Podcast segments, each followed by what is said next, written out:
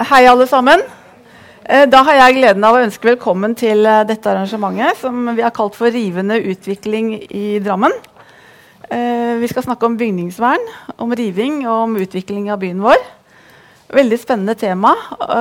Og det skjer jo i forlengelsen av at det var et annet arrangement her i februar, hvor det var et sterkt engasjement fra publikum. og det var, dette er på en måte en uh, naturlig forlengelse da, å ta opp det med verneverdige bygg og hva som skjer med byen. Jeg heter Lena Hillestad, og jeg er rådgiver her på biblioteket. Uh, og som en lovfestet uh, arena for uavhengig debatt og lokalpolitikk og lokaldemokrati så ønsker vi å inspirere til lokalt engasjement rundt saker som berører byens befolkning og innbyggere, og hva som skjer her. Og kveldens møte arrangeres i samarbeid med Miljøpartiet De Grønne. Uh, vi ser fram til en veldig innholdsrik kveld. og Jeg skal si litt om hva som skjer. Vi skal først høre Audun Eng, som er jurist, skribent, dokumentarfilmskaper, stedsaktivist. Han var også en gang i tiden redaktør for Gateavisa, noe jeg syns var veldig fascinerende. Uh, og ikke minst så har du vært prosjektleder for mange plansmier i norske kommuner. Og det er jeg veldig spent på å høre mer om. Uh, vi skal også høre Ola Harald Fjellheim, som er generalsekretær i Fortidsminneforeningen. Som vil snakke om verdien av å ta vare på bygningsmiljøer av hensyn til miljøet, klima og byen. Uh, det blir en liten kaffepause. Som dere har sett, så er det kaffe og noe søtt å spise, kjøpe der borte. Um, etter pausen så vil Ståle Sørensen fra Miljøpartiet De Grønne ha en gjennomgang av aktuelle rivingssaker og politiske avgjørelser som har vært her i byen de siste seks årene. Uh, og helt til slutt så blir det en panelsamtale. Det er eh, Ståle Sørensen, arkitekt Arne Finn Solli og Arne Holm fra Fortidsminneforeningen i Buskerud, i Drammen, som da skal uh, snakke sammen. Og det er rikelig anledning til å komme med spørsmål fra publikum og kommentarer. Så Det var i grunnen det hele, og da er vi klar for å, å, høre på Audun Eng. Velkommen til deg. Du kan jo si litt mer om uh, både plansmire og det du er opptatt av. Uh, mitt navn er altså Audun Eng, og jeg uh, har jobbet med byutvikling og medvirkning faktisk helt siden jeg var jusstudent. For da var jeg med i Jussbuss, og vi hjalp aktivister på østkanten i Oslo som ville hindre riving. Det var vedtatt riving av alle bydelene på Oslo øst fullstendig riming av Grünerløkka, Kampen, Vålerenga, Rodeløkka. Men eh, en allianse mellom det jeg kalte eplenikersborgerskapet, som er opptatt av kulturminnevern, og unge aktivister som bodde i disse gamle bygårdene for 150 kroner kroner måneden, førte til at vi faktisk snu, fikk by, eh, bystyret til å snu. Og så fikk jeg jobbe i kommunen med, jobbe med å involvere innbyggerne i å rehabilitere og overta bygårdene som borettslag. Eh, det er to temaer som jeg har engasjert meg veldig gjennom alle disse årene. Det ene er medvirkning, og det andre er medvirkning til hva? Nemlig hvilke valgmuligheter har vi i stedsutviklingen. Fordi eh, Det som skjer nå, er jo at det er protester mot byutvikling over hele Norge. Det pleide å være en gang at man satte pris på at det skjedde noe, fordi det ble en bedre by, en vakrere by, en mer levende by. Og så opplever man nå at eh, byutvikling fører til tap av stedlige kvaliteter. Og Da er det fornuftig å protestere. Eh, og Det er bedre at ingenting skjer, enn at et sted blir ødelagt. Jeg er ingen ekspert på Drammen. Jeg har levd såpass lenge at i min barndom så, så satt jeg med familien én time gjennom Drammen på fredag på vei til Sørlandet. Og Det jeg husker da, det var trebebyggelsen. Den var litt sånn skummel nedslitt, men den var vakker og, og spennende. Eh, mine første observasjoner av, av, eh, urbane kvaliteter var når vi sto i hovedgaten gjennom Drammen i, i nærmest en time før vi kom oss videre. Men her ser dere det som skjer rundt omkring i Norge og i andre land. Nemlig at den bebyggelsen som folk verdsetter, som gir stedet historisk karakter, blir redusert til et slags hundehus. Og Dere har vel en del sånne eksempler i Drammen også. Jeg gikk jo hit fra jernbanestasjonen, og eh, noen steder i den gaten jeg gikk, så følte jeg her har de klart å skape litt byliv og butikker og kafeer og sånt. Og så, plutselig så, så jeg det, for det aller meste så er det bare en kompakt drabantby. Altså Man bygger ikke by, man bygger drabantby tettere enn i de tradisjonelle drabantbyene. Og Det skaper ikke by, det skaper bare en, en eh, massiv opplevelse. En knugende opplevelse. Her ser dere et annet eksempel på det samme. Og da er spørsmålet i, i, hvem er fellesskapets representant i denne tid? Alle aktører i byggeprosessen slåss for sine egne interesser. Og her vil jeg si at Norge har en veldig sterk tradisjon, og den har også vært veldig levende i Drammen gjennom f.eks. arbeiderbevegelsen og andre folkelige bevegelser. Av desentralisert makt, lokaldemokrati, eh, sterk vekt på frivilligheten involvering. Og Vi ser også i dag at en stor del av næringslivet også satser veldig på involvering av kunder og ansatte for å utvikle, og, og, og utvikle seg og, og, gå i riktig retning. Men det store unntaket er altså stedsutviklingen. Så mitt hovedbudskap her det er at vi må få et mer reelt direkte demokrati i stedsutviklingen. Dette er aktørene i eh, byutviklingen i Norge. Du har innbyggerne. De føler seg nå veldig ofte satt på siden og sviktet av politikerne de valgte, som er blitt fascinert av utbyggerne og arkitektene. Så har vi politikerne, eh, som altså Disse fire årene mellom valgene så glemmer de ofte velgerne og blir trukket inn i en verden av storslagen utbygging, såkalt spektakulær arkitektur og en ensidig fokus på vekst, ikke på kvalitet. Forvaltningen har ofte for lite kapasitet til å kunne drive planlegging, slik at utbyggerne får altfor mye de skulle sagt når man skal planlegge en by. Det at man eier en tomt, bør ikke gi rett til å bestemme hvordan denne delen av byen skal se ut. Det skal bestemmes demokratisk. Så har vi arkitektene.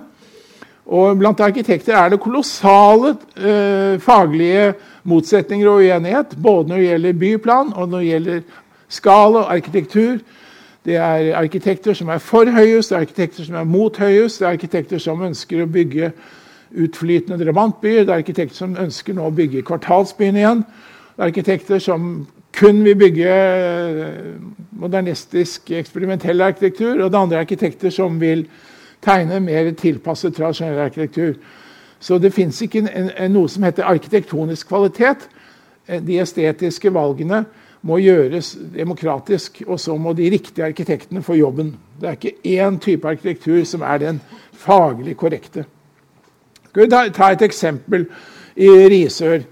Altså en typisk sørlandsby. Det ser den gamle bebyggelsen her. Og så skal man eh, bygge ut Dette er jo litt parallelt til Drammen. Man skal bygge ut eh, et gammelt industriområde i, i havnen. Og eh, her ser dere Snøhettas forslag. Dette er altså et par hundre meter fra den gamle trebebyggelsen. De ville bygge et gigantisk bygg som er, jeg kaller det grønnvasket, ved at de har noe, et eller annet grønt på taket. Som en slags sånn miljøalibi. Uh, og her er det fra arkitektkonkurranse. Altså, dette ville noen bygge 200 meter fra uh, en av Europas vakreste trebyer. Og det ble en voldsom konflikt. Riksantikvar Jørn Holme engasjerte seg. Og, og uh, befolkningen engasjerte seg. Men det var også mange som var redde jeg hadde mye kontakt der nede, redde for å legge seg ut med utbyggerne, som var mektige borgere av byen. Her, men det fins alternativer. Og her er det en svensk uh, kunstner, Kristoffer uh, Rådlund, som er opptatt av arkitektur. Han tegnet et forslag til en landsby på den samme holmen hvor det så Snøhetas gigantkasse. Og her eh, Riksantikvaren engasjerte seg og lagde et forslag som dere ser til høyre der, av en byplan hvor dere ser at bebyggelsen er delt opp i eh, små gårder med eh, rom og gater, altså følger Risørs historiske karakter. Så vi har valgmuligheter. Spørsmålet er hvem bestemmer hva vi skal velge. Her er det en arkitekt, Jan Inge Lindeberg, som eh, rett og slett tok og klippet ut sentrum av Risør, som altså er der oppe, det er det gamle sentrum av Risør. Så de har klippet ut et kart og plasserte det på den samme øya for å vise at man kunne ha en like variert og spennende og mangfoldig bebyggelse på denne øya som i det gamle Risør. At, men hvorfor vil folk, eh, veldig mange, at nybygging skal skje på en måte som respekterer stedets historiske karakter? Og Der er det en forskningsgren som heter biofilia. Og Den startet med en forsker som fant ut Hvis dere ser her, så er det en, en, en pasient på et sykehus som ligger her. Men det var en korridor, og langs den ene oh, Unnskyld. Skal vi se Langs den ene eh, jo, langs den ene korridoren så, så man ut på de bygningene til venstre. Og på høyre side så man ut på den naturen. Og så viste det seg det at de pasientene som hadde utsikt til naturen, de ble fortere friske. Altså en mental prosess skapt av vakre omgivelser. Og Det gjelder ikke bare natur, det gjelder også arkitektur. Forskere har nå fastslått at den tradisjonelle arkitekturen som dere kjenner fra Drammens gamle bydeler, den har likhetstrekk med natur, og den er i samsvar med dyptliggende menneskelige behov for eh, en menneskelig skala, gjenkjennelighet.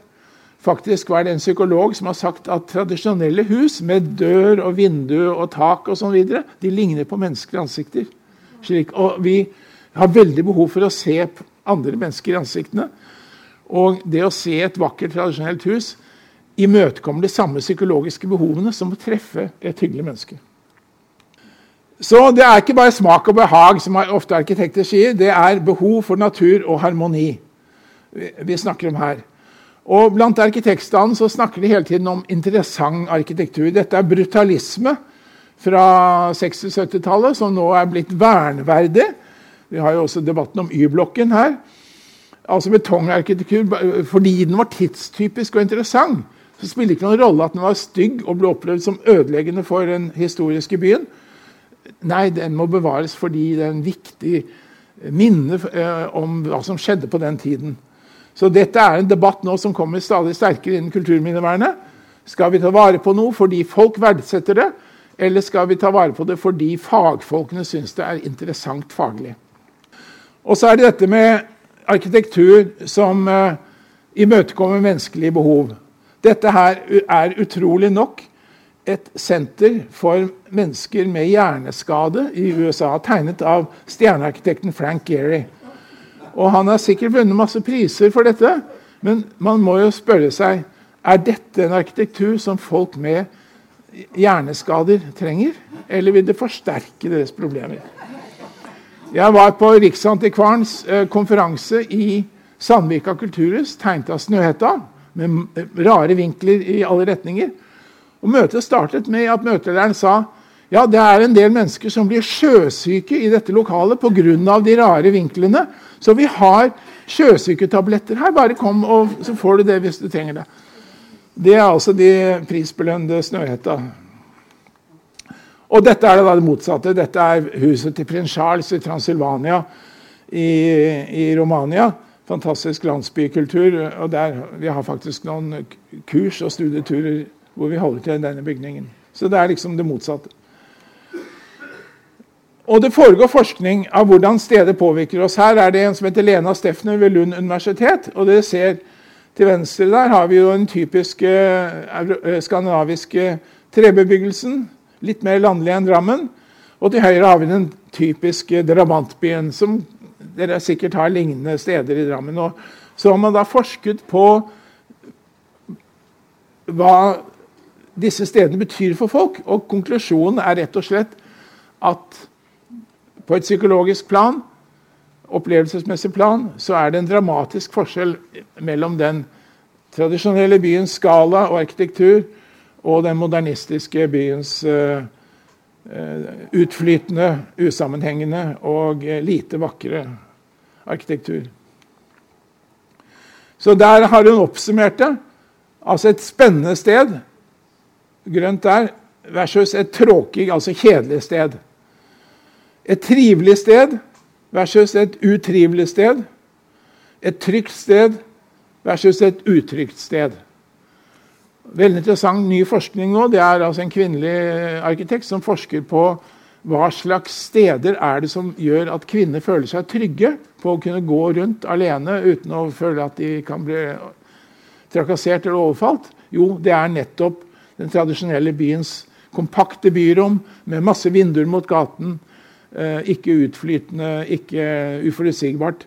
Det er den tradisjonelle byen som gir oss trygghet. Og Riksantikvaren det er veldig viktig, har nå engasjert seg i byutvikling. Det man kan si nå er at det viktigste utfordringen for kulturminnevernet det er å eh, bygge nytt på en riktig måte, tilpasset det gamle. Det er den største utfordringen. Stort sett enig om bevaring, noen konflikter er det. Og Riksantikvaren går nå inn for at nybygg skal være godt tilpasset eldre verneverdbebyggelse. Og de går også inn for å gjenskape tapte bygninger og reparere bygninger som er blitt ødelagt på 76-tallet med såkalt modernisering. Så uh, både nybygging, rekonstruksjoner og tilbakeføring er nå de anerkjente deler av kulturminnevernet i Norge. Så litt mer folkehelse. Legeforeningens konferansesenter på Soria Moria ser sånn ut. Der møtes leger til faglige samlinger. Så skulle de bygge et nybygg.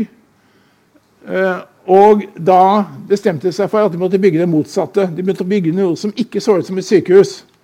Og Dette var det nye konferansesenteret de bygde fordi nettopp eh, lege sa at de var så utbrente og slitne av å, å gå i disse hvite korridorene minimalistiske miljøene at de ønsket det motsatte. Og så bygde de dette og har seminarer der.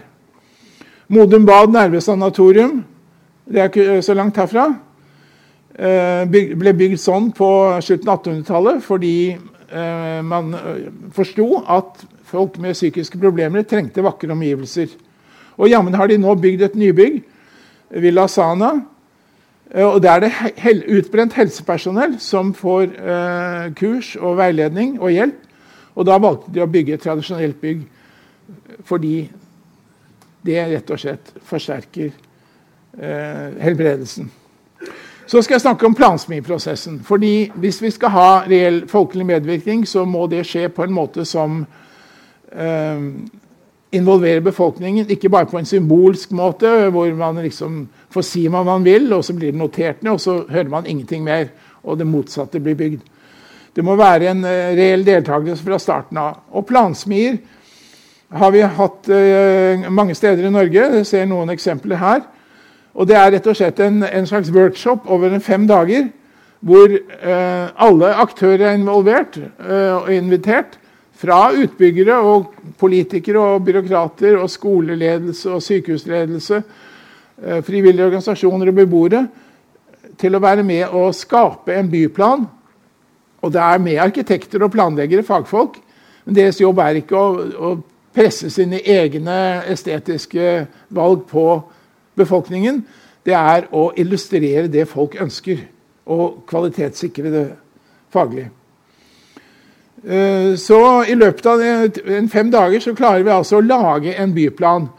Eh, og ikke bare en byplan med gater og plasser og, og, og offentlige rom, parker, eh, men også byggehøyder, funksjonsblandingen. Og også tar vi befolkningen med hva slags arkitektur vil dere foretrekke. Så dere ser her hvordan det foregår. Det er altså et lokale hvor det både er åpne møter, og hvor det er mer eh, konsentrerte arbeidsmøter som her. Og så er da målet at man skal løse konfliktene. og Alle må ta og gi. Og så er målet at man i løpet av de ca. fem dagene skal nå frem til en omforent løsning. Og det har vi faktisk klart. Her ser dere avstemningen, hvor 99 omtrent som i Nord-Korea stemte for eh, eh forslaget vi hadde lagd. Så spørsmålet er jo selvfølgelig er planen realistisk, og det er den ofte. Eh, her ser dere den lokale ordføreren som er fornøyd med resultatet. Eh, og eh, dette er fra Brokelandsheia. Dvs. Si bruker 3D, moderne 3D-midler som man lynraskt kan vise løsninger. Her for ser dere De gamle byggene er i mørk farge, og de nye forslagene i, i, i lys farge. Enkelt å forstå. Man kan bytte ut og visualisere på alle nivåer fra gaten og fugleperspektiv. Og så er det selvfølgelig da Facebook-sider og nettsider hvor dette følges opp. Og rapporter.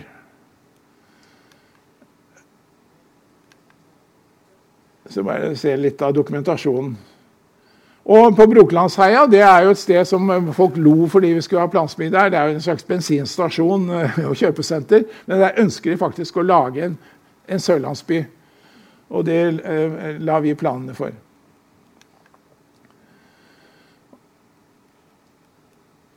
Her står det 'smi mens jernet er varmt'. og Det viktige er selvfølgelig blir dette tatt inn i de vanlige kommunale planprosessene, eller blir det glemt. Og Det har en god del ganger blitt glemt fordi det ikke er blitt øyeblikkelig tatt inn i den vanlige lovlige planprosessen som bystyret har ansvaret for.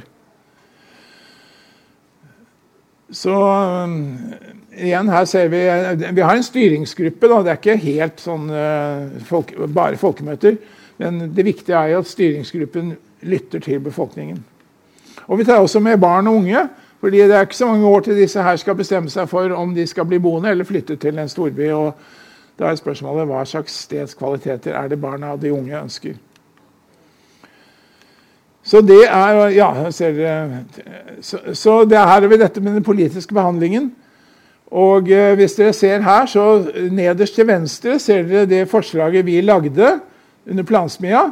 Så gikk det noen år, og så ble det til Høyrebygd. En ny kasse. Så her ble rett og slett ikke planen tatt inn i den kommunale planprosessen, og en utbygger fikk lov til å bryte med hele, hele ordningen. Så det, dette er uhyre viktig at ikke folk opplever at når de engasjerer seg, at det er bortkastet tid. Det er veldig mange som har engasjert seg i stedsutvikling, og som føler seg utbrent og, og misbrukt. Det er veldig alvorlig. Så skal jeg se litt på uh, dagens realiteter. Nærmer seg slutten. Bare noen eksempler på hvordan det er. Dette er Son, demonstrasjon i Son. Hva er det de demonstrerer mot? Jo, de demonstrerer mot dette, denne blokka. Fordi arkitekten hadde lovet at han skulle tegne sjøboder. Det er sånn, ikke sant? sånn trehus eh, som ligger langs uh, bryggene i norske kystbyer. Og Så var det folkemøte, og så sa, spurte folk ja, men dette er jo ikke sjøboder. Så svarte arkitekten jo, det er min fortolkning av sjøboder. Så der er det spørsmålet hvem skal bestemme. Og Her ser dere Stathelle. Det er jo helt grusomt. Et kjøpesenter skulle aldri vært tillatt. Og eh, Arendal, rett ved den gamle Barbu trebebyggelsen, eh, oppfører de intetsigende kasser som kunne vært hvor som helst. Men vi skal se eh, lynraskt på noen gode forbilder. Her ved i Stockholm, gammelt sykehusområde, hvor de bygde en ny by i sånn 20-talls uh, nyklassisistisk stil for en ti år siden. Alt det ser her, er, er nytt. De lagde en skikkelig byplan og uh, tegnet bygårder. Uh, en professor i arkitektur som laget byplanen her, fortalte at han mistet jobben på universitetet fordi han hadde tegnet så gammeldags. Han brøt med fagets prinsipper. Og her er et, Dette er faktisk en helt ny by i Sverige. Uh, I sånn Hansa-inspirert stil. Og her er et universitet. altså En universitet behøver ikke være en gigantkasse. Her er et universitet i, som heter Åkroken i Sundsvall, bygget som en landsby.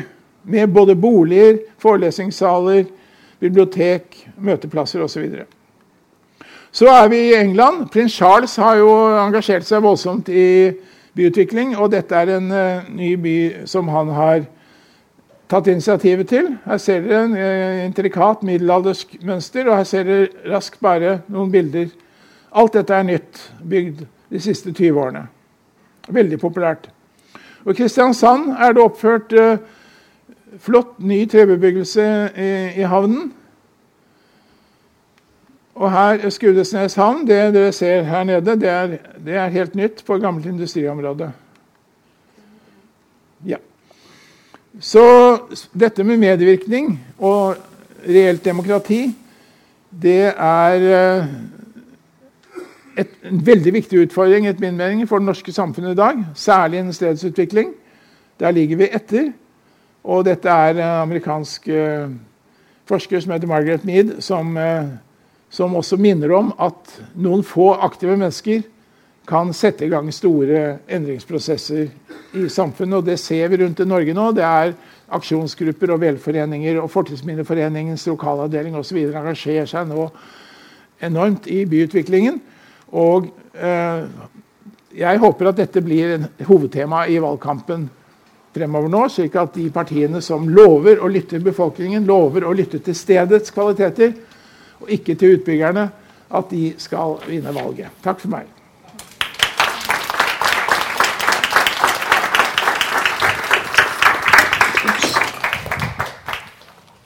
Men da har vi et lite sceneskifte her. Eh, tusen takk til deg så langt. Eh, da er det klart for Ola Harald Fjellheim, som er generalsekretær i Fortidsminneforeningen.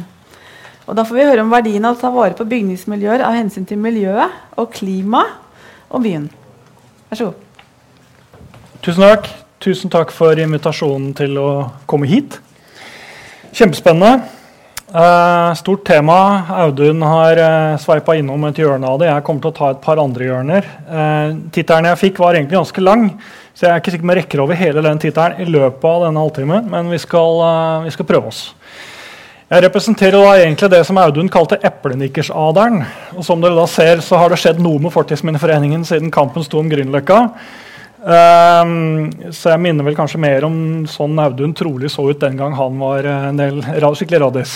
Vet jeg ikke helt hvordan det var, Audun, men vi tar sjansen. Byutvikling og bevaring er egentlig to sider av samme sak. Det er min påstand. Det høres jo ganske pussig ut. Utvikling, bevaring. Er det nå egentlig det samme? Ja, det handler om det. Fordi bevaring er styring av utvikling. Kulturminnevern handler om administrasjon av endring. Det handler ikke om å sette en glassklokke over. og Det er den klassiske misforståelsen. Og det er det viktigste utgangspunktet. Vi skal starte der. Og så skal vi se hvor vi ender opp hen. Først Hele poenget må jo være at vi skal ha attraktive steder å bo. Det er derfor vi driver med byutvikling. Det er derfor plan- og bygningsloven er laget også. Den er laget for å sikre at menneskene har bra steder å bo. Dere har helt sikkert hørt uh, setningen som påstås å komme fra Winston Churchill. Jeg tror faktisk de også stemmer. Først så former vi våre bygninger, og etterpå former bygningene oss. Akkurat som Audun også var inne på, bygningene påvirker oss hele tiden. Og vi vet gjennom forskning at gode byer, attraktive byer, de har variasjon i bygningstyper. De har forskjellige typer områder, og de har en variasjon av mennesker. Det betyr du samler ikke folk i Holmenkollen-gettoer eller andre type monokulturer. Du prøver å blande. Og det gir den gode byen. Det skal være møteplasser attraktive rom å være i. Og da snakker jeg ikke om innendørs utgangspunktet, men jeg snakker om utendørs. Men det er klart at det innendørs attraktive rom også eksisterer, for det er de folkene beveger seg imellom. Det skal være kulturarenaer, og det skal være næringsarenaer. Og dette med næring er noe som byutviklere, litt sånn ideelle byutviklere, eller idealistiske, sånn som jeg kanskje kan være en type av, ikke snakker så mye om. Men uten næring som gir avkastning, som gjør at de som eier bygningene, kan koste på de, ta vare på de og vedlikeholde de, og så fungerer ikke en by. Så det skal også være der. Særpreg og identitet. Det gjør at folk hører seg hjemme et sted. Dere har sikkert hørt denne diskusjonen om 'somewheres' og 'anywheres', men de fleste mennesker har behov for et sted å føle seg hjemme. Og de har behov for et sted som de føler en tilhørighet til, som de kan være stolte av.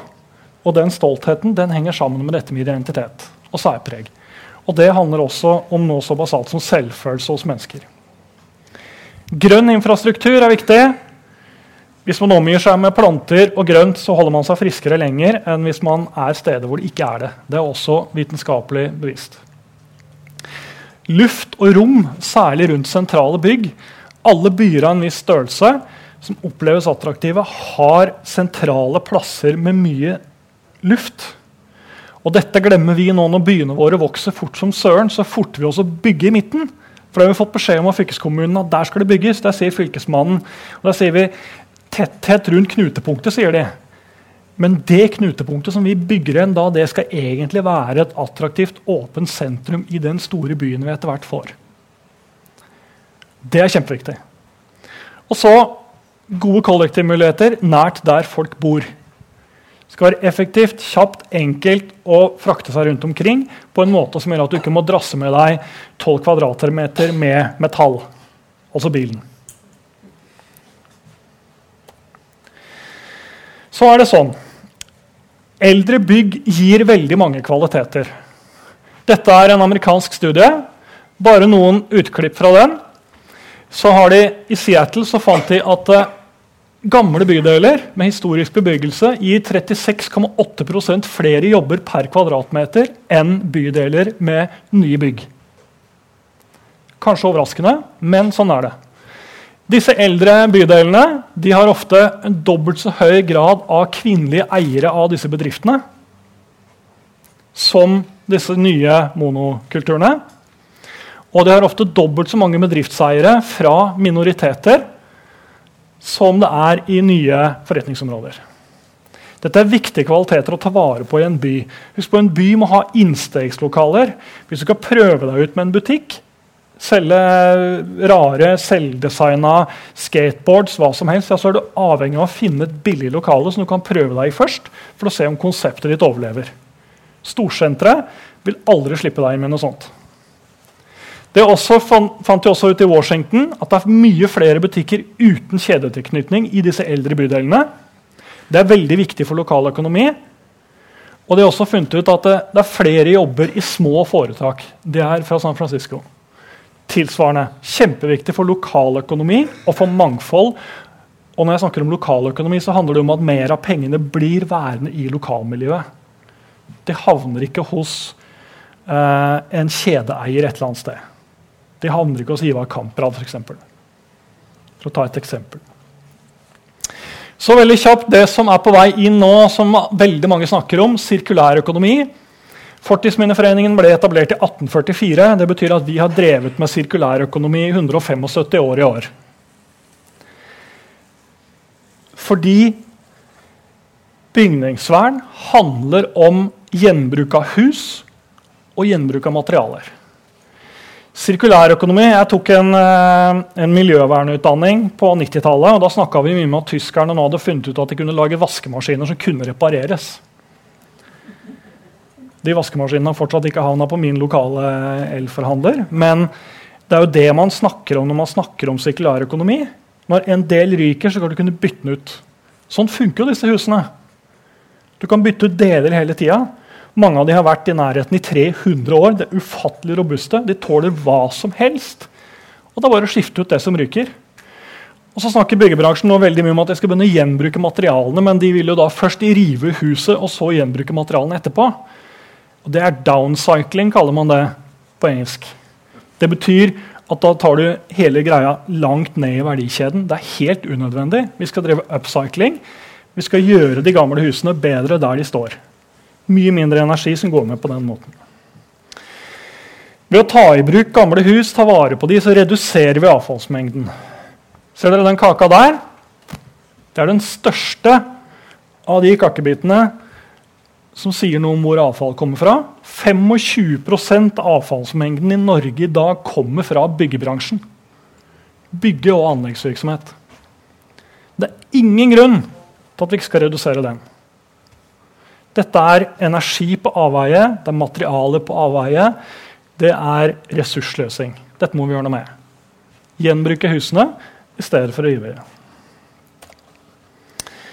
Materialene hvis vi snakker om perioden før 1950, så snakker vi om et veldig begrensa antall materialer som var i bruk i hus. De fleste av de var kortreiste. De fleste av de kom fra en eller annen naturkobling, og det har veldig liten prosessgrad på de. Enten vi snakker om bygningsmaterialer eller maling eller den lille biten som er av kjemikalier. Fire av de produktene som fins i hus fra før 1900, er giftige. Resten er det ikke. Ta en titt på et nytt hus som bygges i dag. Jeg tipper at du må sette to nuller bak det tallet. Materialene er kortreiste, de er miljøvennlige, de er nedbrytbare, og de er ikke minst vedlikeholdbare. Vedlikeholdsfritt er det mest miljø- og klimasløseri som fins. For det betyr at du kan ikke vedlikeholde det, du må pælme det. Et nytt, moderne vindu det holder, Vi diskuterer litt hvor lenge det holder. Noen sier 10 år, noen sier 20, noen sier 30. Men uansett, når det går 30 år, så må du kaste det. Da er det avfall. Da har et gammelt vindu bare så vidt begynt på sin livssyklus. Det kan bli 200 år gammelt, det kan bli 300 år gammelt, det kan vedlikeholdes mange, mange, mange, mange ganger. Og de er like gode. Gamle vinduer kan få samme uverdi som nye. Null problem. Og ikke minst, dette er varige saker. Det huset jeg viste dere i stad, før etter, panelen der ble spikra på den veggen i 1840. Malt tre strøk, og siden har ingen rørt den. Der Den er 32 mm tjukk. I dag så er det en 26 mm av den panelen. Da kan dere regne ut at den holder i ca. 400 år til. Så til klimadebatten. Nå skal jeg vise dere et par grafer. Det er liksom her vi kommer inn med litt tall. Ta en sluk av kaffen hvis dere har det, og så skal vi se hva dette her betyr. Jo, um, Fortidsminneforeningen satt i en referansegruppe for et prosjekt som Riksantikvaren gjorde, hvor vi skulle se på dette huset her. Dette eies av en klimarådgiver som bor i Moss. og Det huset er bygd på 1930-tallet. Og Han er klimarådgiver på dagtid, og så er han klimarådgiver som rådgivning, eller klimatesting i sitt eget hus som hobby. Så han skulle finne ut hva kan jeg gjøre med energiforbruket i mitt hus for å få det optimalt. Huset kalles Villa Dammen. Han har en egen blogg. det kan dere lese. Så hadde vi lyst til å sjekke ok, er det noe holder det han fyren snakker om. Hvordan henger dette på greip sånn rent klimamessig? Jo, grafene her viser akkumulert klimagassutslipp i tonn CO2-ekvivalenter over år. Og Det er sånn vi måler klimagassutslipp, på samme måte som vi måler, meter, altså måler lengder i avstand, altså i centimeter og meter. Og den første grafen, den blå, den viser hva som skjer hvis han ikke gjør noen ting. Da har han ikke noe utslipp i starten her, fordi han gjør ikke noe. Men for hvert år som går, så har han CO2-ekvivalenter som adderes ut fra hvor mye energi han bruker på å varme opp huset, varme opp vannet, drifte det osv. Er dere med? Så hadde vi lyst til å se hva skjer hvis han river Hvis vi river Villa Dammen, og så bygger vi et klimavennlig passivhus. Jo. Villa Dammen rives. Vi bygger et nytt hus. Hva skjer da? Jo, det genererer et klimagassutslipp. For alle varene vi stapper inn der, de lager et utslipp. Og arbeid osv. Så, videre. så da får vi et hopp her. Og så bruker han mye mindre energi per år, så da er den grafen mye flatere. Og så Etter 30 år så trenger han å oppgradere, så da gjør den et hopp. Og så tok vi tiltakene som Bjørge har gjort sjøl. Klimagassberegna de, så på forbruket hans, og det er den svarte grafen. Og nå skal dere se noe spennende. Fordi vi snakker om at det er klimavennlig å kjøre Tesla. Jeg kjører en Volvo 2001-modell. Hvis jeg skroter min Volvo, kjøper en Tesla, kjører den kjørelengden jeg har, så tar det seks år før jeg er klimanøytral. I år sju så gjør jeg en klimainnsats. Hvis Bjørge river huset, bygger et passivhus kontra å sette i stand huset, så tar det 47 år før han er klimanøytral, og det tar 48 år før det nye passivhuset lønner seg. Dere som tror på FNs klimapanel, hvor lang tid har vi på oss på å snu klimautslippene? Har vi 47 år? Nei. Det betyr at dette her, i all irrelevant fortid, nei, relevant framtid, så er dette det beste tiltaket. Eksempel to. I USA har de gjort en test på å se hvor lang tid tar det før riving og nybygging tjener seg inn, kontra en enkel, energi, enkel klimaoppgradering av forskjellige hus i to forskjellige klimasoner i USA, Chicago og Portland. Urban Village Mixed Use 42 år, 80 år. Ser du det? Leiligheter 38, 50. Her har vi faktisk et varehus 12 år, 19 år. Dette her kan vi jo nesten snakke om at ok, det er relevant. Men for privatboligene så er det beste klimatiltaket å sette i stand huset der det står. Punktum. Dette har vi også gjort et norsk prosjekt på, som vi har gjort i Fortidsminneforeningen. Og veldig enkelt forklart, Vi gikk inn og så på en god del tiltak. Uh, Dag Erlend, uh, Der var Dag Erlend. Dette er du litt ansvarlig for. Forskjellige typer isolasjon med trefiberisolasjon av huset. Alt sammen gjør at vi tar trefiber, stapper inn i huset. Det betyr at vi driver CO2-lagring. Så Isolasjon av et gammelt hus med trefiber er klimalønnsomt med en gang. Det eneste som genererer et klimagassutslipp, er istandsetting av vinduer eller innsetting av dobbeltvinduer, som gir et lite utslipp. Med den tiltakspakka som vi anbefaler her, til huseiere med gamle hus, så får du en klimapayback med en gang. Det er det beste klimatiltaket du kan gjøre med et gammelt hus, og det lønner seg tvert. Altså seks år før Teslaen. Ok, noe helt annet. Vi skal ta vare på klimaet, vi skal passe på miljøet, men dette med levende samfunn er også ekstremt viktig. Som jeg sa i stad Bygningsvern bidrar i veldig stor grad til lokal økonomi. Fordi reparasjon, istandsetting, vedlikehold av gamle hus det skjer lokalt. Og det skjer med lokale håndverkere, og det skjer med lokale produkter. Denne tømmerstokken her, den kommer rett ifra nabolaget her borte. Nå skulle tro Audun og jeg hadde snakka sammen. Eh, vi har ikke det på forhånd. Dette er Skudeneshavn, som Audun viste bilde fra. Reparasjon i de byggene der. Alt er gjort lokalt. De satser på dette her for å ha lokale håndverkere på plass, arbeidsplasser. Det er arbeidsintensivt. Da jeg studerte miljøteknologi på 90-tallet, snakka vi om det at arbeidsintensive tiltak er mye bedre enn prosessintensive. Det betyr at det er mye bedre å reparere et vindu i Drammen med en håndverker fra Drammen enn å kjøpe et vindu produsert på en, polak, på en eh, fabrikk i Polen. Skjønte du det? Og pengene blir her og bidrar til lokalsamfunnet. Dette er fire unge håndverkere som jobber med tradisjonsbygg, som nå har fått et stipend av Fortidsminneforeningen til å bli enda bedre på det i løpet av året. Dette er Ja, jeg skal ikke snakke mer om det. Jeg tar den senere. Og så representerer faktisk dette med bygningsvern en motkultur. Fordi det er en motvekt til bruk-og-kast-mentaliteten. Og det i seg sjøl er helt vesentlig, for det lærer folk en helt annen måte å tenke på. Og dette er, faller seg naturlig, for du bor midt oppi det. og Da blir det på en måte en del av livsstilen din. Og så er det jo på en måte selve definisjonen på bærekraft. da. Den stavkirken der, bygd i 1170 Det betyr at den har stått, en, den har stått mange nok år til at vi kan si at jo, dette er en bærekraftig greie. Dette er bærekraft for lenge, lenge, lenge, lenge før begrepet ble oppfunnet. Det her funker. Og det er veldig mye av de samme materialene som var der når kirken ble bygd. Ok. Så er spørsmålet, da Hva er det som må til for at vi skal kunne balansere byutvikling, bevaring, få byen framover, ta vare på de viktige tingene? Jo, det er på en måte tre tre elementer. og Det er en ting vi skal ha i bakhuet, og dette må dere ikke glemme noen gang. For dette er helt vesentlig.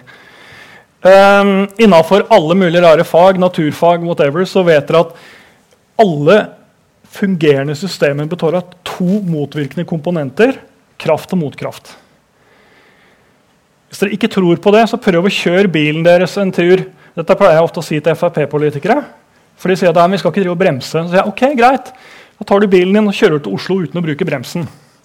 Så tar jeg min bil og kjører til Oslo med bremsen og ser hvem som kommer fram først. Det er ikke så veldig vanskelig. Bilen din fungerer ikke uten både gass og brems. Kroppen din fungerer med en muskel her som vil ha armen ut, og en annen som vil ha armen tilbake. Sånn er det også i mekanismene som styrer byutvikling. Og det er avkastning på kapital som er den vesentlige drivkraften i stedsutvikling i Norge i dag. I hvert fall alle steder hvor det er vekst. Og det er helt greit. Det er ikke noe gærent i det. Det kan det godt være. Men vi skal vite at det er det som er motoren. Og Tar vi kverken på den, ja, så skjer det ingenting. Det fins nok av steder hvor vi kan se det, og da må offentlig inn og pushe. Så vi skal ha den. Den er en veldig bra drivkraft, men den må balanseres. Og balansen er planleggingen. Uten den balansen så blir det gærent. Da blir det for mye. Uten kapitalavkastningen så blir det for lite. Og akkurat nå så er steder som Drammen eller stedet som er min nærmeste by, Jessheim, så heldig at vi har veldig mye av den der. Men det betyr at vi må bruke den desto tyngre. Ellers så funker det ikke. Vi skal faktisk være sanne i maskineriet. Ellers så går motoren for fort. Planlegging det er jo da kommunens arbeid. Det er de folkevalgte politikernes jobb å gjøre det. Og det er menneskene som bor i kommunens jobb å passe på at disse politikerne gjør dette riktig. Og du må planlegge langt nok fram. Og du må, og her svikter de aller fleste steder i Norge i dag, du skal planlegge i forkant ut fra funksjonene i helheten. Hva katten betyr det? Jo, det betyr at du skal se på hvordan skal Drammen by se ut, hvor trenger du de forskjellige tingene, og så skal du planlegge det. Du skal ikke sette deg på rumpa, spørre alle utbyggerne hva dere har lyst til å gjøre, ta imot alle de forslagene, klippe de sammen som best de kan, og så sier ja, vær så god. For det blir ingen god by. Dere må ta tak og si at her skal vi ha park. Fordi det er der vi trenger en park. Det er ikke der ute hvor det tilfeldigvis ikke er, noe som ikke, gidder, ikke er noen som gidder å bygge. Dere må ta vare på ulønnsomme kvaliteter. Hva er ulønnsomme kvaliteter? Jo, det er nettopp den parken. Eller det er den gamle bydelen, for den gamle bydelen er ikke lønnsom å bygge på nytt. Så det betyr at Hvis den gamle bydelen forsvinner, så får du den ikke igjen. For det er ikke lønnsomt å bygge den. Du kan kjøre inn prosjekter som de som Audun viste til slutt, men det blir ikke det samme. Gamle hus og bydeler er viktig for byen, for identitet, for variasjon, alle disse tingene her, også for næringslivet. Men det er ikke lønnsomt å bygge de, ergo så må dere ta vare på de. Og så var det reell medvirkning, som også Audun var inne på. Da skal dere huske på at byen er for innbyggere. Ikke utbyggere, for de bor et annet sted. Inne ute. Den er egentlig ganske lett å huske. Prioriter langsiktige og seriøse investorer. De som tjener mest penger i byggebransjen, er de som kutter flest hjørner. For de får størst avkastning på sin kapital.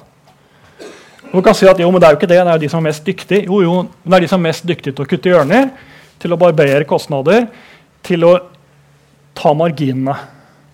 Og de som har mest kortsiktig horisont, de kan bygge billigst. Og De er ikke så innmari nøye med om de som jobber under dem, tjener det de skal. De er ikke så innmari nøye på HMS-en. Det viktigste er at de har blikket på avkastningen hele tida. Så det som er viktig er at Man prioriterer de som er langsiktige og seriøse, som godtar litt mindre avkastning, men som er nøye på at resten er bra. For det er de dere vil ha. Ofte er det lokale investorer som bor i nabolaget her. For de fins også.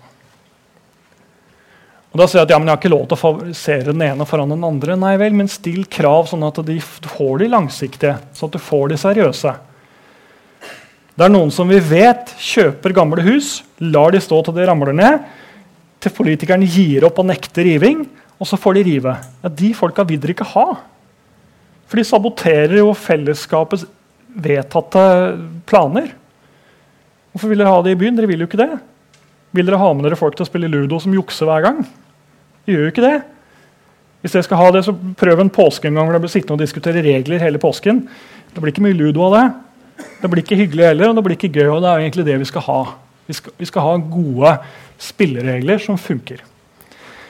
Tydelige føringer må på plass. Altså tydelige planer med regler som sier at jo, sånn er det, for de skaper forutsigbarhet. Og forutsigbarhet trekker til seg seriøse investorer, for de vet hva de kan forvente seg over tid. Det er gjort studier i Norge, Sverige og Danmark som viser det at bevaringsområder, altså områder med mye hus som er freda eller regulert til bevaring, der stiger prisene. For der vet folk at der får jeg ikke plutselig en blokk midt i trynet en dag. Og da betaler du mer for det. Det gir forutsigbarhet. Derfor er det bra å holde på reglene og si at jo, sånn er det.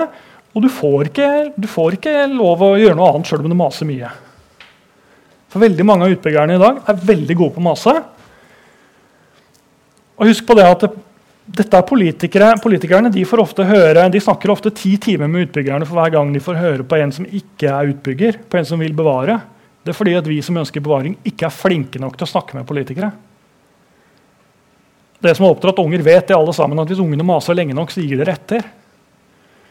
Så de er nødt for å høre noe annet også. ikke sant? Så vi må passe på det. Så vi som er opptatt av bevaring, som vil ha parkene, vil ha de gamle husene, vi må snakke med politikerne mye mer og si at dette er viktig for oss. Holde kontinuitet det betyr når vi har sagt at du ikke får sjokolade, så får du ikke sjokolade. Eller når vi har sagt at dette området skal bevares, ja, så skal det bevares. Og da endrer vi oss ikke på det. Da gir vi ikke dispensasjoner. Um, dere har kanskje sett den boka 'Kjøpesenterlandet'.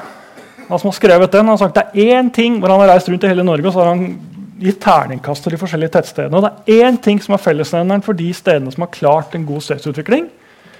Politikerne gir ikke dispensasjoner. Det er den eneste fellesnevneren. Resten fikser seg alltid. Men politikerne gir ikke dispensasjoner, altså de beholder på spillereglene. Derfor stå ved planene. Ok? Så jeg bruker bare å sitte og være streng. Det er ikke er det gøy, og ikke er det alltid det lure. Dette er også noe som vi er veldig dårlige på, nemlig stimulere til at godt bevarte miljøer som det her tas vare på. Eh, de kan gjerne forsterkes gjennom å gjøre tiltak som gjør at det, det blir etableringer, det blir satsinger. Jeg sa det at det er viktig at husleiene er så store at eierne har mulighet til å holde husene ved like. Det betyr at området må være attraktivt. Og hvis ikke området er attraktivt, så kan det offentlige bidra på forskjellige måter til å gjøre det. Flere av sørlandsbyene har jo slitt i en periode nå med tomme lokaler. Arendal har hatt et kjempeprosjekt. De kartla 26 tomme lokaler i sentrum. Begynte å få inn forskjellige typer satsinger. Uh, F.eks. Uh, veganrestauranter og sånne ting. altså Økosteder, samlingssteder, folk hvor innvandrere kunne møtes. Forskjellige frivillige organisasjoner som tok i bruk husene. Betalte leie. Kommunen hjalp til. I dag så er det etterspørsel etter lokaler i Arendal sentrum. For de har klart det. Det samme har de gjort i Tvedestrand. Det samme har de gjort mange steder i Danmark og i Sverige. Man må jobbe aktivt for å få opp de områdene som ikke akkurat er attraktive i dag, til å bli attraktive ved å stimulere dem. Bevaring og jeg har sett rehabilitering med en strek imellom, for jeg mener ikke den typen rehabilitering som store utbyggingsselskaper driver med, som vi også kaller tarmskylling, hvis man holder på med gamle hus. Som betyr at det ikke blir en flis igjen. Rehabilitering betyr på en måte gjenopprette, ordne sånn at dette byområdet, disse bygningene, fungerer videre.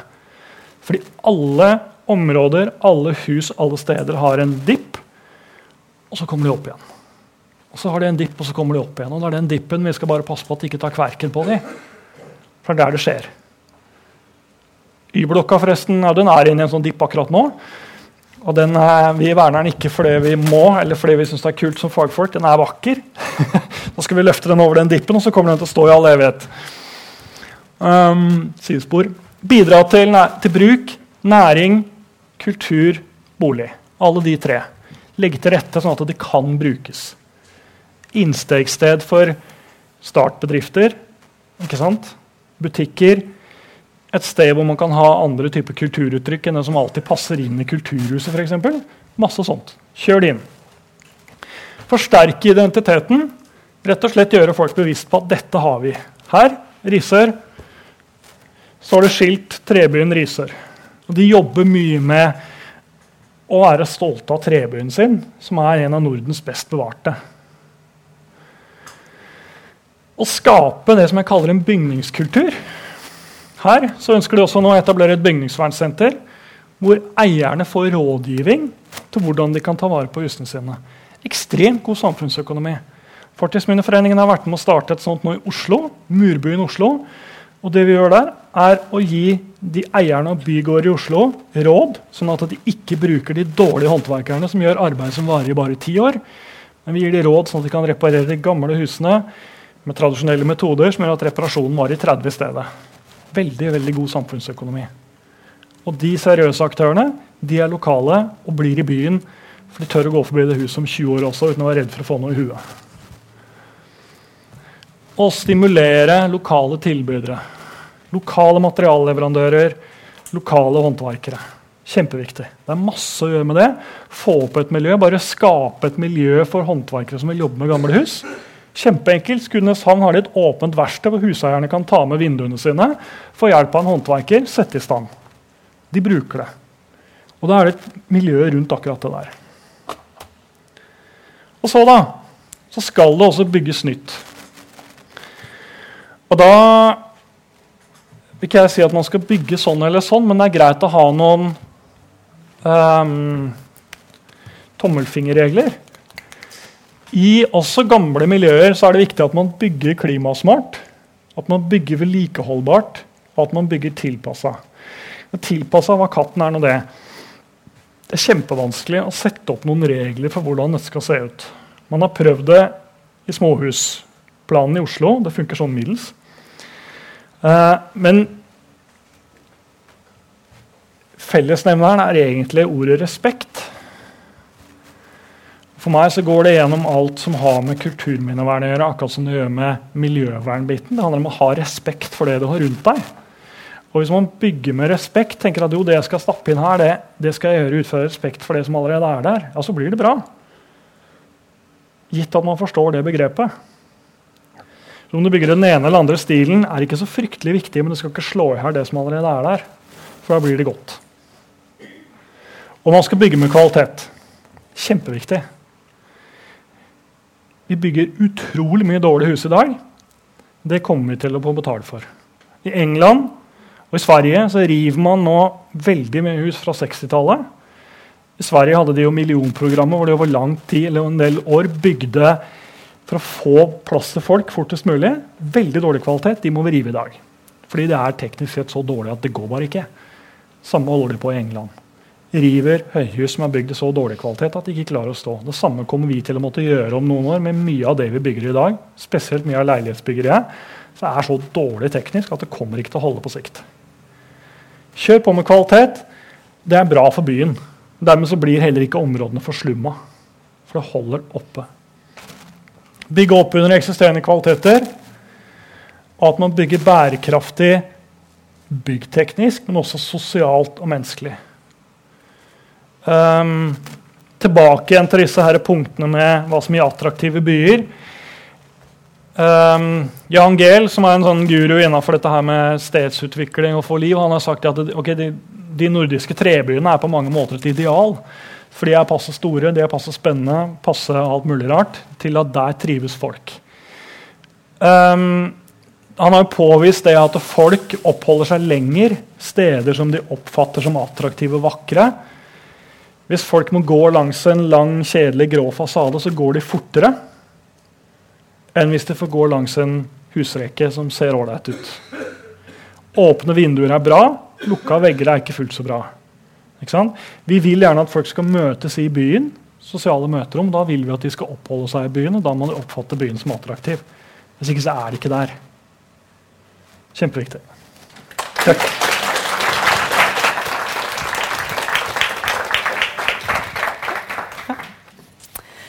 Da sier vi tusen takk til deg, Ola Harald Fjellheim, så langt. Eh, da er det tid for en liten pause. Da er det mulighet for å skaffe seg kaffe og noe søtt borte ved toppen av trappa. Da er vi klar for en panelsamtale med Arne Finn Solli, Ståle Sørensen og um, Arne Holm.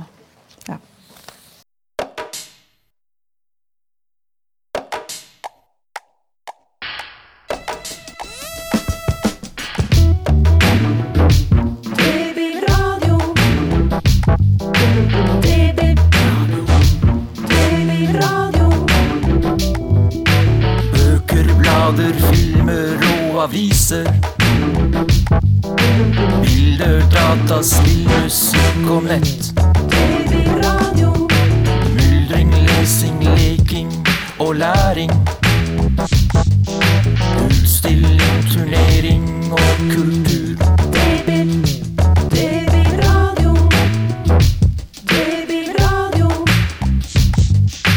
Foredrag, kurs, seminar, debatter. Konserter, teater og lek. Drammens bibliotek gir deg Babyradio. Babyradio. Eh, jeg eh, skal bare gå igjennom Jeg sa jeg skulle gå igjennom de siste seks årene med rivningssaker i Drammen. Så jeg har sendt et brev til uh, rådmann hvor jeg har bedt om en oversikt. Uh, og den har jeg ikke fått. Uh, det er tydeligvis veldig mye jobb.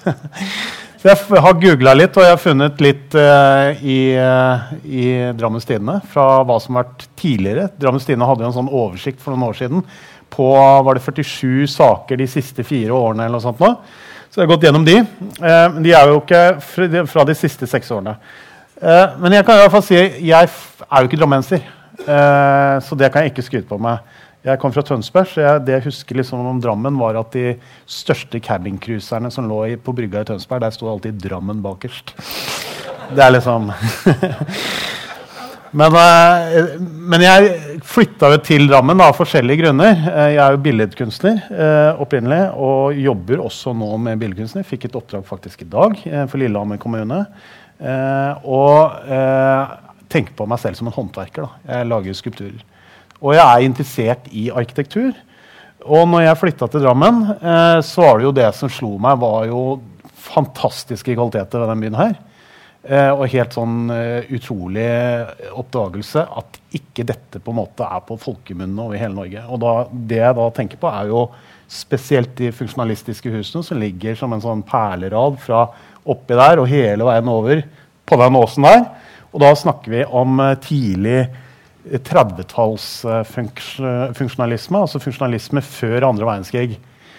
Eh, og nå er det sikkert masse skrivefeil, og det er sikkert en del feil tall her. Jeg måtte bare ordne dette i går kveld.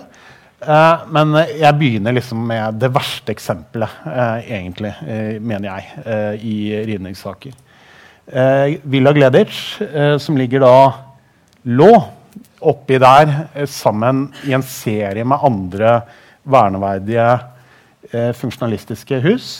Eh, huset er, eh, var eh, helt fullstendig intakt. både innvendig og utvendig. og det, er, det var et bygg som var i verneklasse A. bygget i 1932.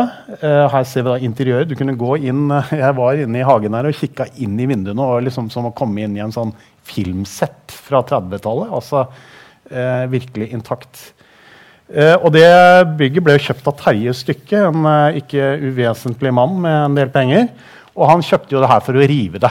Eh, og når han kjøpte det, så var jo ikke det her registrert verneverdig. Eh, det ble jo da registrert verneverdig mens han eide det bygget. Eh, og i oktober 2014 da vedtok formannskapet å rive det her. Og Det var en stor debatt i avisene. og Her ser vi jo eh, museumssjefen ute og snakker. og Fortidsminneforeningen var aktiv. Eh, og da Fremskrittspartiet Høyre eh, som stemte for eh, å rive det. Og det, de hadde jo da flertall. Eh, og jeg satt ikke i formannskapet den gangen der. Eh, så jeg kan ikke si noe om det. Men rådmannen innstilte jo veldig veldig kraftig på at dette bygget ikke skal rives.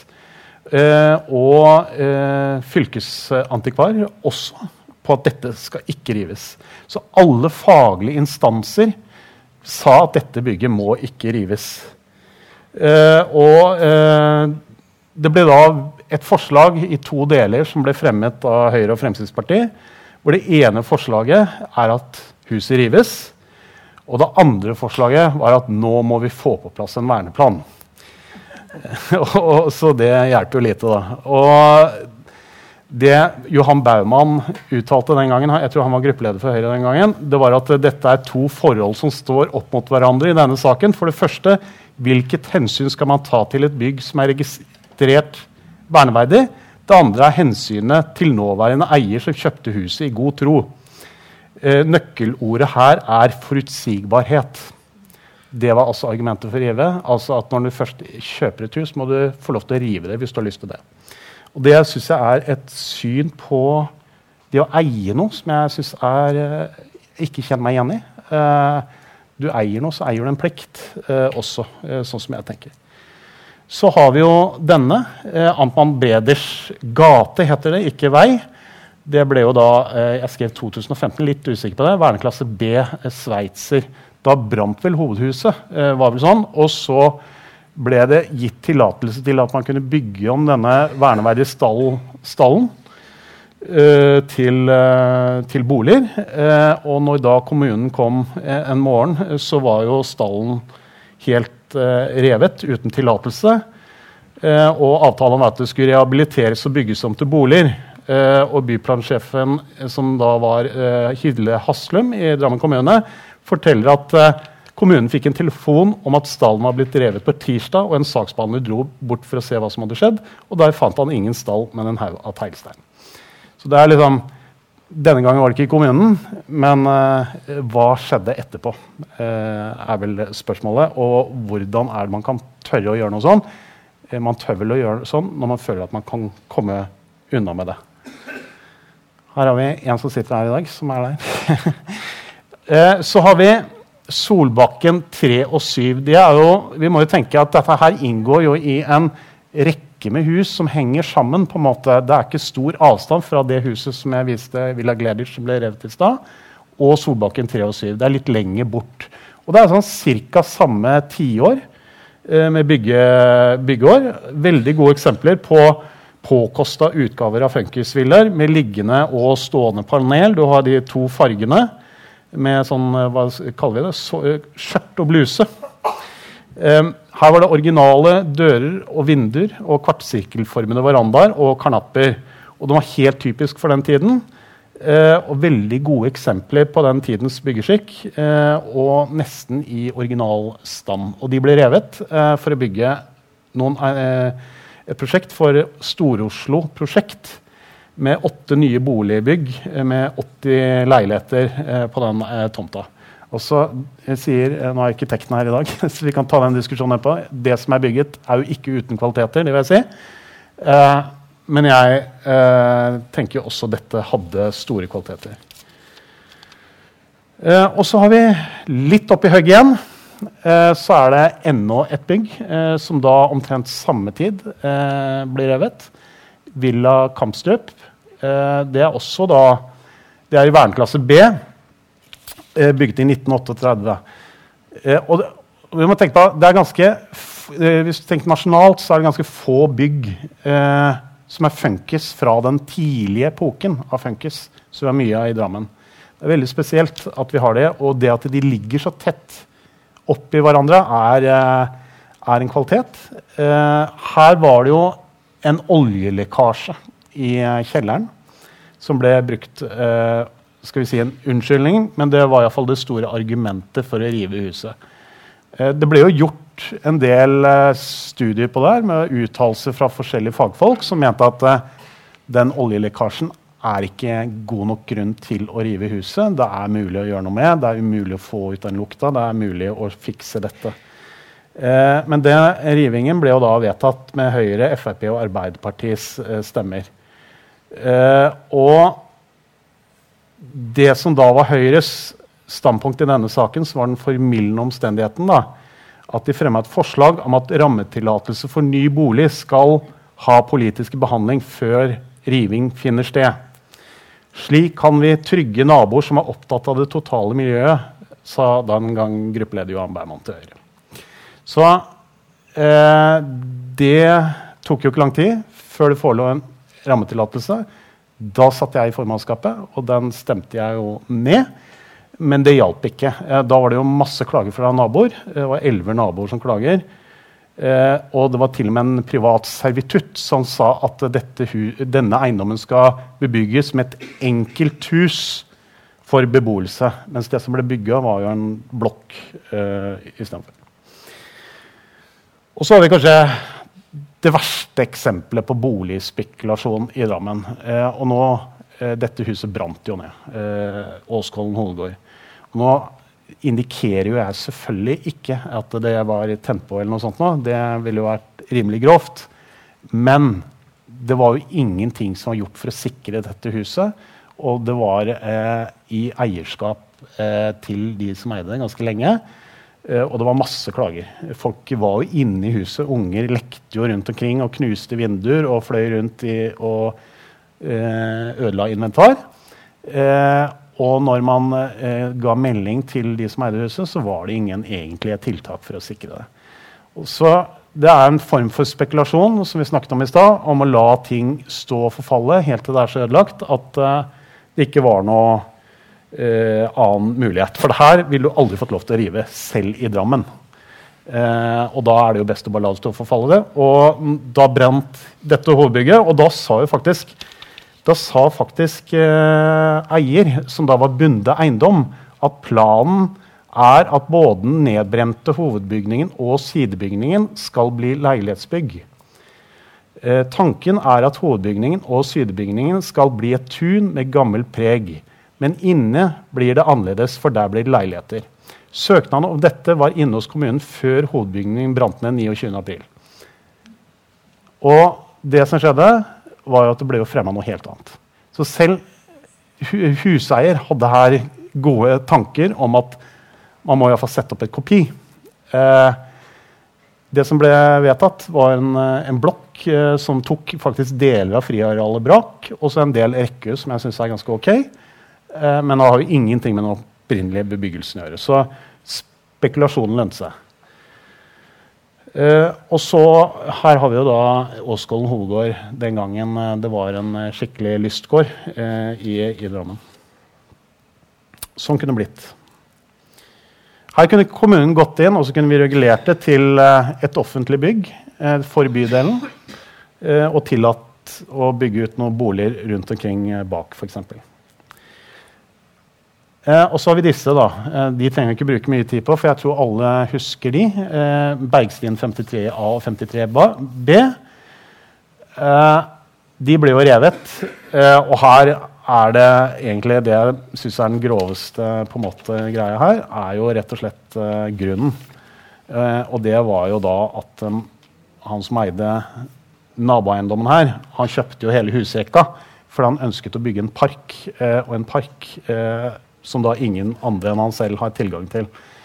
og jeg kan godt forstå behovet i forhold til at han, disse byggene kommer jo ganske tett opp mot et klassisistisk bygg. Eh, men også her foreslår rådmannen å avvise forslaget. Det var Lars Nilsen eh, som bodde der. Eh, og hovedårsaken er at rådmannen ikke vil tillate riving av tre verneverdige i eneboliger i fylkesstil. Så han, her var det også faglige råd imot, og eh, rådmannen gikk ikke inn for rivning.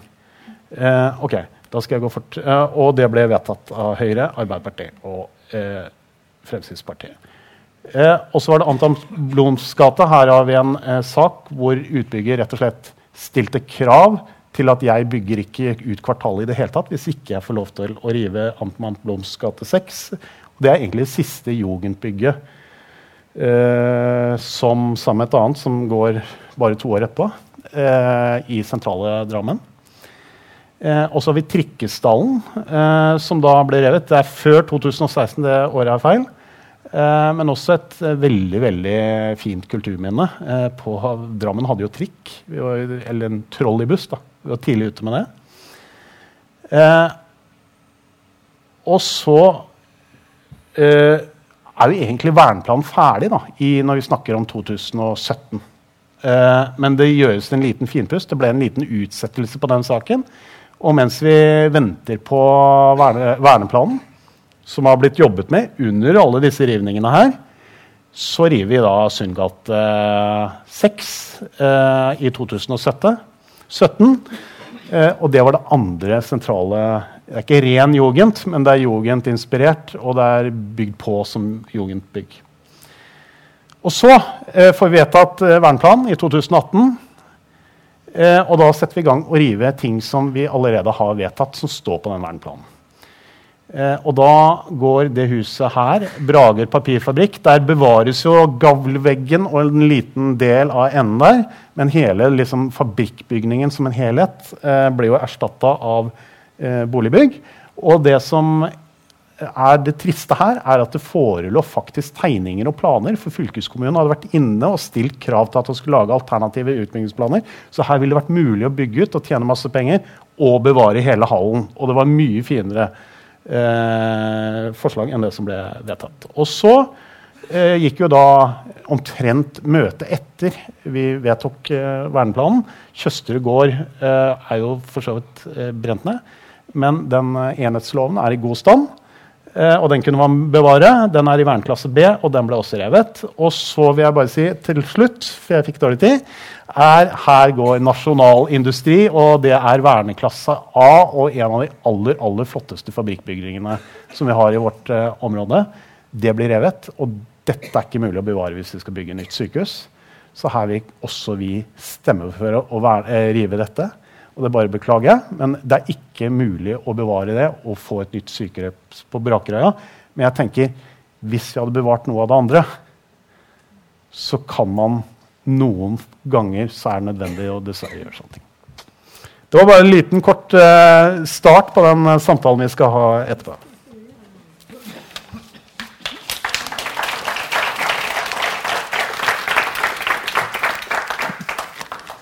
Tusen takk til deg, Ståle Sørensen. Da ber jeg de to andre paneldeltakerne også komme opp, og så skal vi få bort det ler- lerretet. Det har vært veldig mye input så langt. Uh, mye interessant. Uh, noe ganske nedslående. Uh, og jeg, jeg ser fram til å høre hva dere forskjellige har å si om saken. Vi har da med oss arkitekt Arne Finn Solli, som er både for og mot av og til. Hvis jeg har tolka det riktig, kan jeg ta feil. Det kan du få lov til å svare for. Eh, og så er det Arne Holm fra Fortidsminneforeningen her i byen, og Ståle Sørensen fra Miljøpartiet De Grønne. Eh, jeg syns dette her begynte litt nedslående med en reguleringsplan og politikere som da ganske tvert bryter eh, ut og vedtar mot det allikevel. Det er jo de samme politikerne som har vedtatt denne reguleringsplanen. Er det full uenighet innad i det politiske miljøet? Eh, jeg kan bare svare på det. fordi at den verneplanen som da vi etterlyste når vi rev eh, noen av disse byggene, det har blitt jobbet med under denne rivningen her, så har alle hele tiden sagt vi trenger en verneplan i Drammen. Det vi har hatt, er jo en registrering av verneverdige hus eh, i forskjellige klasser A, B og C. A, B og C. Og det, den registreringen har vi jo egentlig ikke betydd så mye. Eh, så det alle har sagt at vi trenger en verneplan. Men den verneplanen er jo ikke juridisk bindende. Den er bare førende. Eh, og det er jo litt det vi ønsker å gjøre til høsten. Det er å gjøre større deler av den verneplanen faktisk juridisk bindende. Og da må vi gå inn og lage reguleringsplaner for forskjellige områder og bestemme hva man kan gjøre på disse områdene. Det må gjøre. Men så vil jeg bare si også, etter at den reguleringsplanen eller den verneplanen har kommet, så har det nesten blitt verre. Fordi nå alt som ikke står på den, er jo på en måte nesten som bare Da kan vi iallfall rive det, for det er iallfall ikke med i verneplanen. Så, så egentlig så tenker jeg det her er jo i ferd med å gå helt andre veien enn det jeg tenkte. Så det er nesten litt sånn adhoc-avgjørelser med hva som vernes og hva som kan rives. Eh, sånn høres det i hvert fall ut for meg. Det kan dere få lov til å kommentere på etterpå. Eh, men vi har jo da fått eh, forskjellige innfallsvinkler til hvordan eh, en, vi kan få et godt bymiljø. Og hvordan er en arkitekts blikk på Drammen? Det kan du si noe om, Soli. Hvor mye tid har vi igjen? Syns du at Drammen har et helhetlig preg? Er det på en måte en, en god by sånn arkitekt, så for en arkitekt? Eller er det ting som burde vært gjort annerledes? Ja, det siste er helt sikkert riktig, at eh, mye kunne vært gjort annerledes. Men nå har vi en gang den situasjonen som vi har. Og eh, dette, dette tema, tematikken vi er inne på her i dag, den er jo så enormt omfattende. Så er litt spørsmål om hva, hva vi skal, eh, hva vi, hvor mye av det vi skal takle. Men eh, jeg syns Drammen er en fin by. Jeg har født og oppvokst der. Jeg er født i Øvre Storgate 55, i Tora Trehetens eh, eh, fødehjem. Jeg vokste opp i, på Skogerveien eh, ved siden av helleristningene, hvor det har bodd folk i 7000 år. Og jeg har bodd nå siste 42 år i, på Bragenes eh, i Bergstien. Så jeg er ganske godt eh, informert om byen. Og jeg har drevet eh, praksis her da, siden 1975.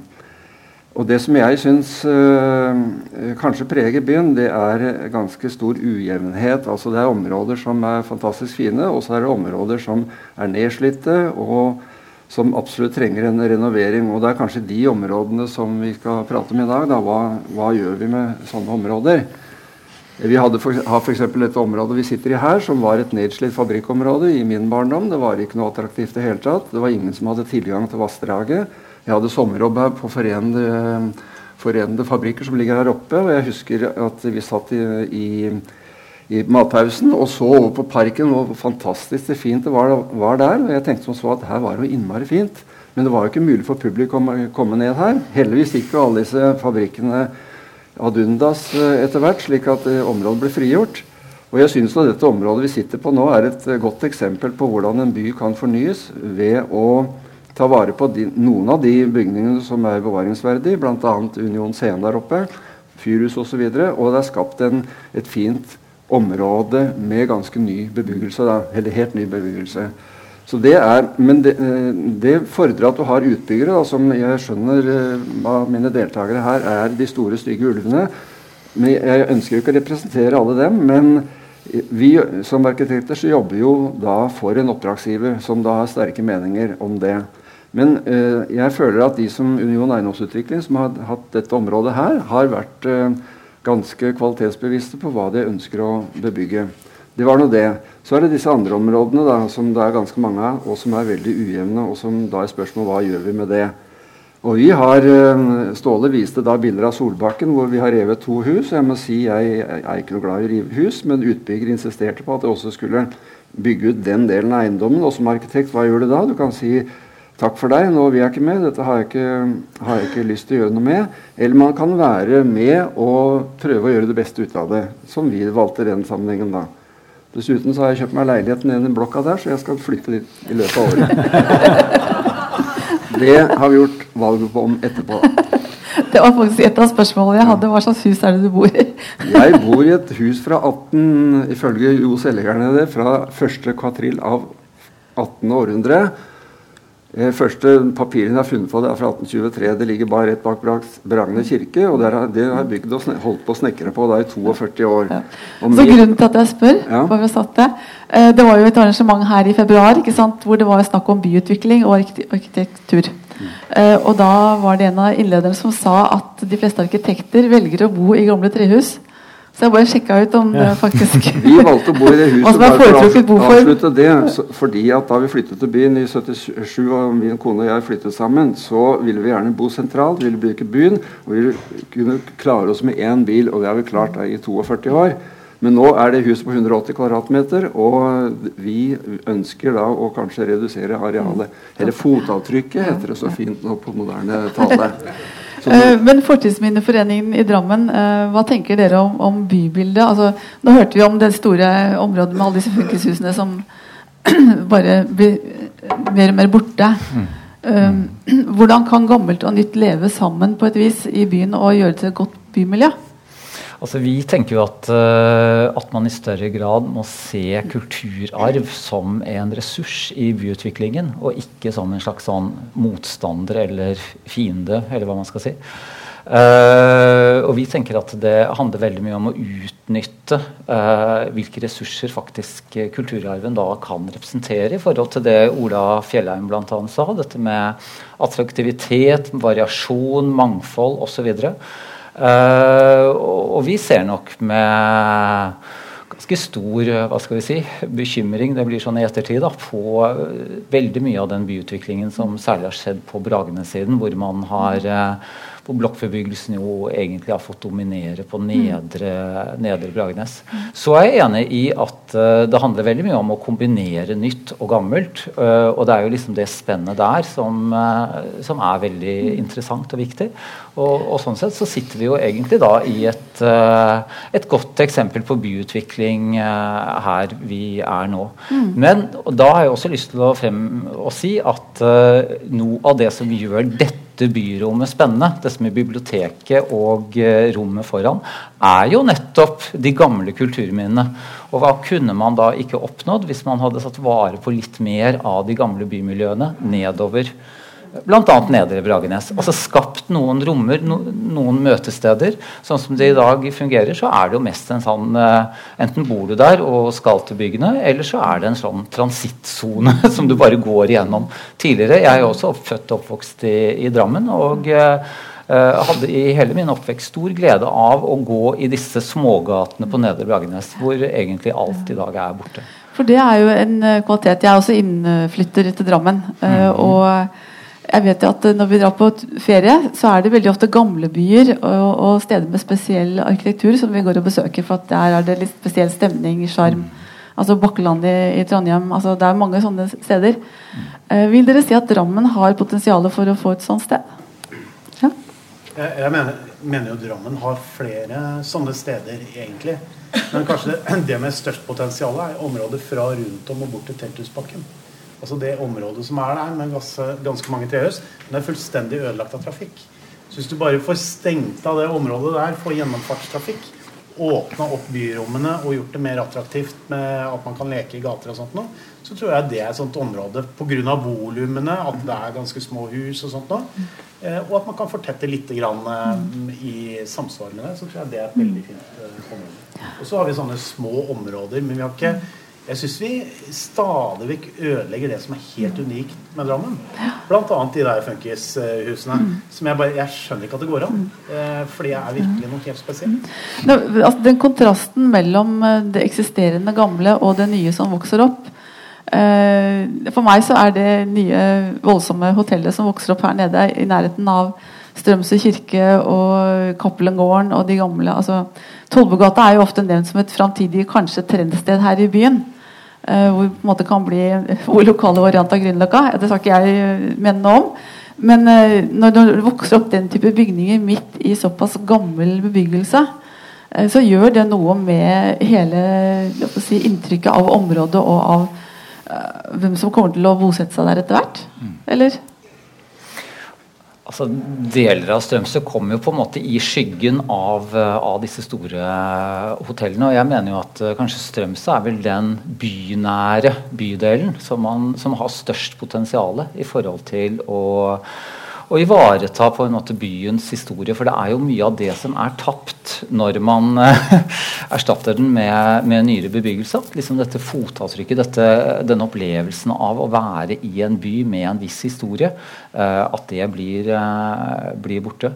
Så, og det er jo også noe med å bygge så høyt og stort at det på en måte Eh, hva skal vi si uh, desimerer den eldre bebyggelsen, og at den av den grunn også blir mindre hva skal vi si, både attraktiv og uh, får mindre plass. Det er jo om å, det er jo om å gjøre å uh, underbygge kvalitetene til hverandre. At den nye og den gamle by, bebyggelsen spiller, spiller sammen. Så Jeg tenkte ut, Nå er det ikke lyd, eller? Nei. Jeg bare snakker veldig høyt, jeg. Ja. Så går det. Nei, uh, Arne Finn litt, egentlig. På, fordi at jeg tenker uh, Litt av det problemet vi har i Drammen, syns jeg er at det virker som kommunen ønsker at utbygger tar hele kvartalet. på en måte, Og at utbyggerne også vil ta hele kvartalet. Mens det vi ser, er jo at det er masse sånne tomme hull i husrekkene rundt omkring hvor det i dag er parkeringsplasser. Jeg tenker, Her kunne det vært et hus gjerne helt supermoderne, bare det forholder seg til volumene som er ellers. Men der blir det aldri bygd ut, for det lønner seg bedre å, å, å leie ut det til parkeringsplasser. Det er mer penger i det. Så liksom, hva tenker du, Hvordan kan vi få bygd ut disse små liksom, lommene i i bystrukturen som er parkeringsplasser? Det har jeg også spurt kommunen om, men de har ikke noe middel til å pålegge folk å bygge ut tomta si. Og så lenge vedkommende har eh, store inntekter av å leie ut en parkeringsplass, så, så har de ikke noen muligheter til å stoppe det. De har mulighet hvis, de, hvis det er nye tomter som eh, oppstår, så, kan, så er det jo i dag ikke tillatt med overflateparkering på bakken lenger. Eh, da må det søkes om som en vanlig byggesak, og der har kommunen all mulig styringsrett. Men tilbake til dette her med de områdene som skal repareres og, og gjøres noe med. da. Jeg syns det er litt betegnende når våre eh, venner fra Oslo som da kommer hit og holder foredrag om eh, bygningsvern, så, så syns jeg det er veldig enkelt også, litt for enkelt å bare komme med Risør og Skudeneshavn, altså, som er sånne perler. Det er ingen som er noe uenig i at eh, å ødelegge sånne steder. Men hvorfor kan dere ikke ta, dere, ta for også Drammen, slitne byer som Drammen, eller Moss f.eks., hvor det er helt kaotisk, eller andre mm, sånne industribyer som i dag sliter med å få en utvikling? Og interessere seg litt for det, for jeg syns disse perlene de, det, er, det, er, ikke noe som er enklere enn å raljere med den type utvikling. Men når vi ser f.eks. Nedre Bragnes, der vi har snakket om nedover der sånn, så så eh, er det mange kvartaler etter den nye byplan eh, by, byplanen som ble laget etter bybrannen 1866, og som er eh, dag, dag, bebygd med trehusbebyggelse. Den trehusbebyggelsen ble jo satt opp ganske fort og gærent på mange måter, fordi at det var husnød. 5000 mennesker var husville, og de bodde i teltleir bak Bragernes kirke, eller det som området er Bragernes kirke. Og så har mye av disse bebyggelsen forfalt etter hvert. Noe er vedlikeholdt, men det er veldig liten av den bebyggelse som har noe sånn antikvarisk verdi som enkelthus, men som miljø har det det.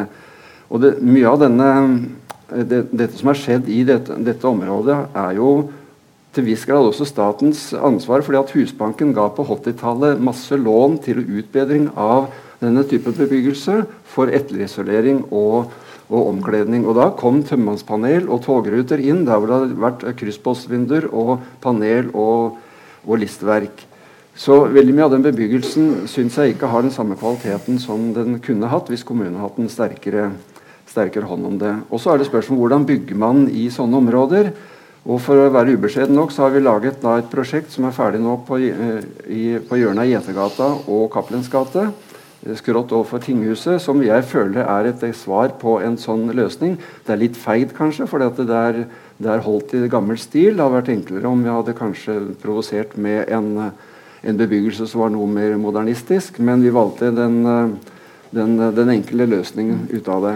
Også litt, ja, bare For å følge det litt lenger ned, så, så ligger et, hus, et, bygg nå som vi også har tegnet, Ankers hage, som jeg føler er da en svar på en, en utvikling av den eiendommen som som uh, er fullt ut akseptabel. Ja. Men er det ikke si, litt betegnende at den, mange av de nye tingene som uh, bygges, de, de, bryter veldig med det eksisterende miljøet rundt? Både når det gjelder høyde og utseende for øvrig? Jo, det er det eh, som er utfordringen, da, syns jeg kanskje mer enn en, uh, materialbruken. Man, vi får jo stadig kritikk for at betongblokker, altså det er et negativt ladet ord, eh, blir ført opp i gammel trehusbebyggelse. Men, eh, men, moderne lovgivning krever ofte at man har en bebyggelse som er branntrygg, og som er, eh, er, egnet til formålet. Men det er målestokken og tilpasningen i høyde og volum som Ståle har vært inne på, som mm. er avgjørende å få til.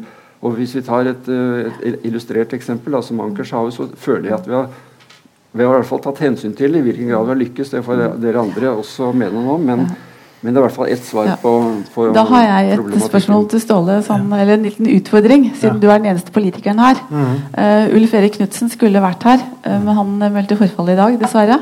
Sånn at uh, han kan ikke svare for sitt ståsted. men jeg har lest at i Bergen så har de en byarkitekt mm. som har ansvar for å se helheten i det som skjer i byen.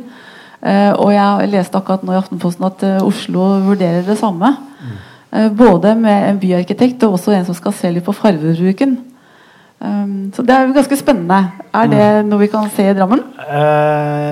kanskje, men det vi trenger, er en, en 100 %-stilling som byantikvar. mener jeg. Altså At byantikvaren får en slags rolle som byantikvaren har i Oslo. Som er litt som vaktbikkje. Eh, det har vi ikke. Altså, den rollen er litt sånn usynlig bakt inn i administrasjonen i Drammen. Eh, jeg vil ha en faglig stemme som veldig tydelig gir råd om hva man kan gjøre og ikke gjøre. Eh, også at eh, og at det blir liksom eh, noe som vi må ta hensyn til. Da. Eh, sånn at eh, Jeg vil takke dere for innsatsen.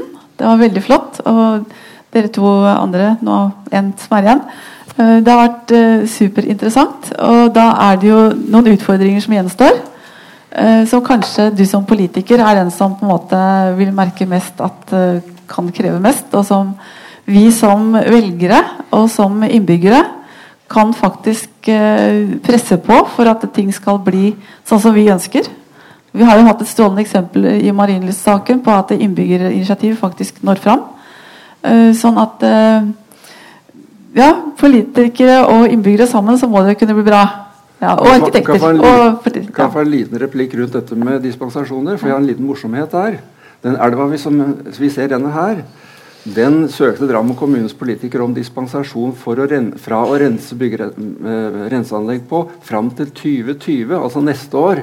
Men det var Sissel Rønbeck som sa at i 19, hvis ikke dere har bygd dette innen 1990, så får dere 50 000 i dagbok og satte foten ned. Men politikerne i Drammen, det ligger i saken, 2020 var eh, fristen for å bygge renseanlegg. Og ingen av de tingene vi har fått til langs elva her, hadde vært mulig med den kloakken som rant her ute. Takk.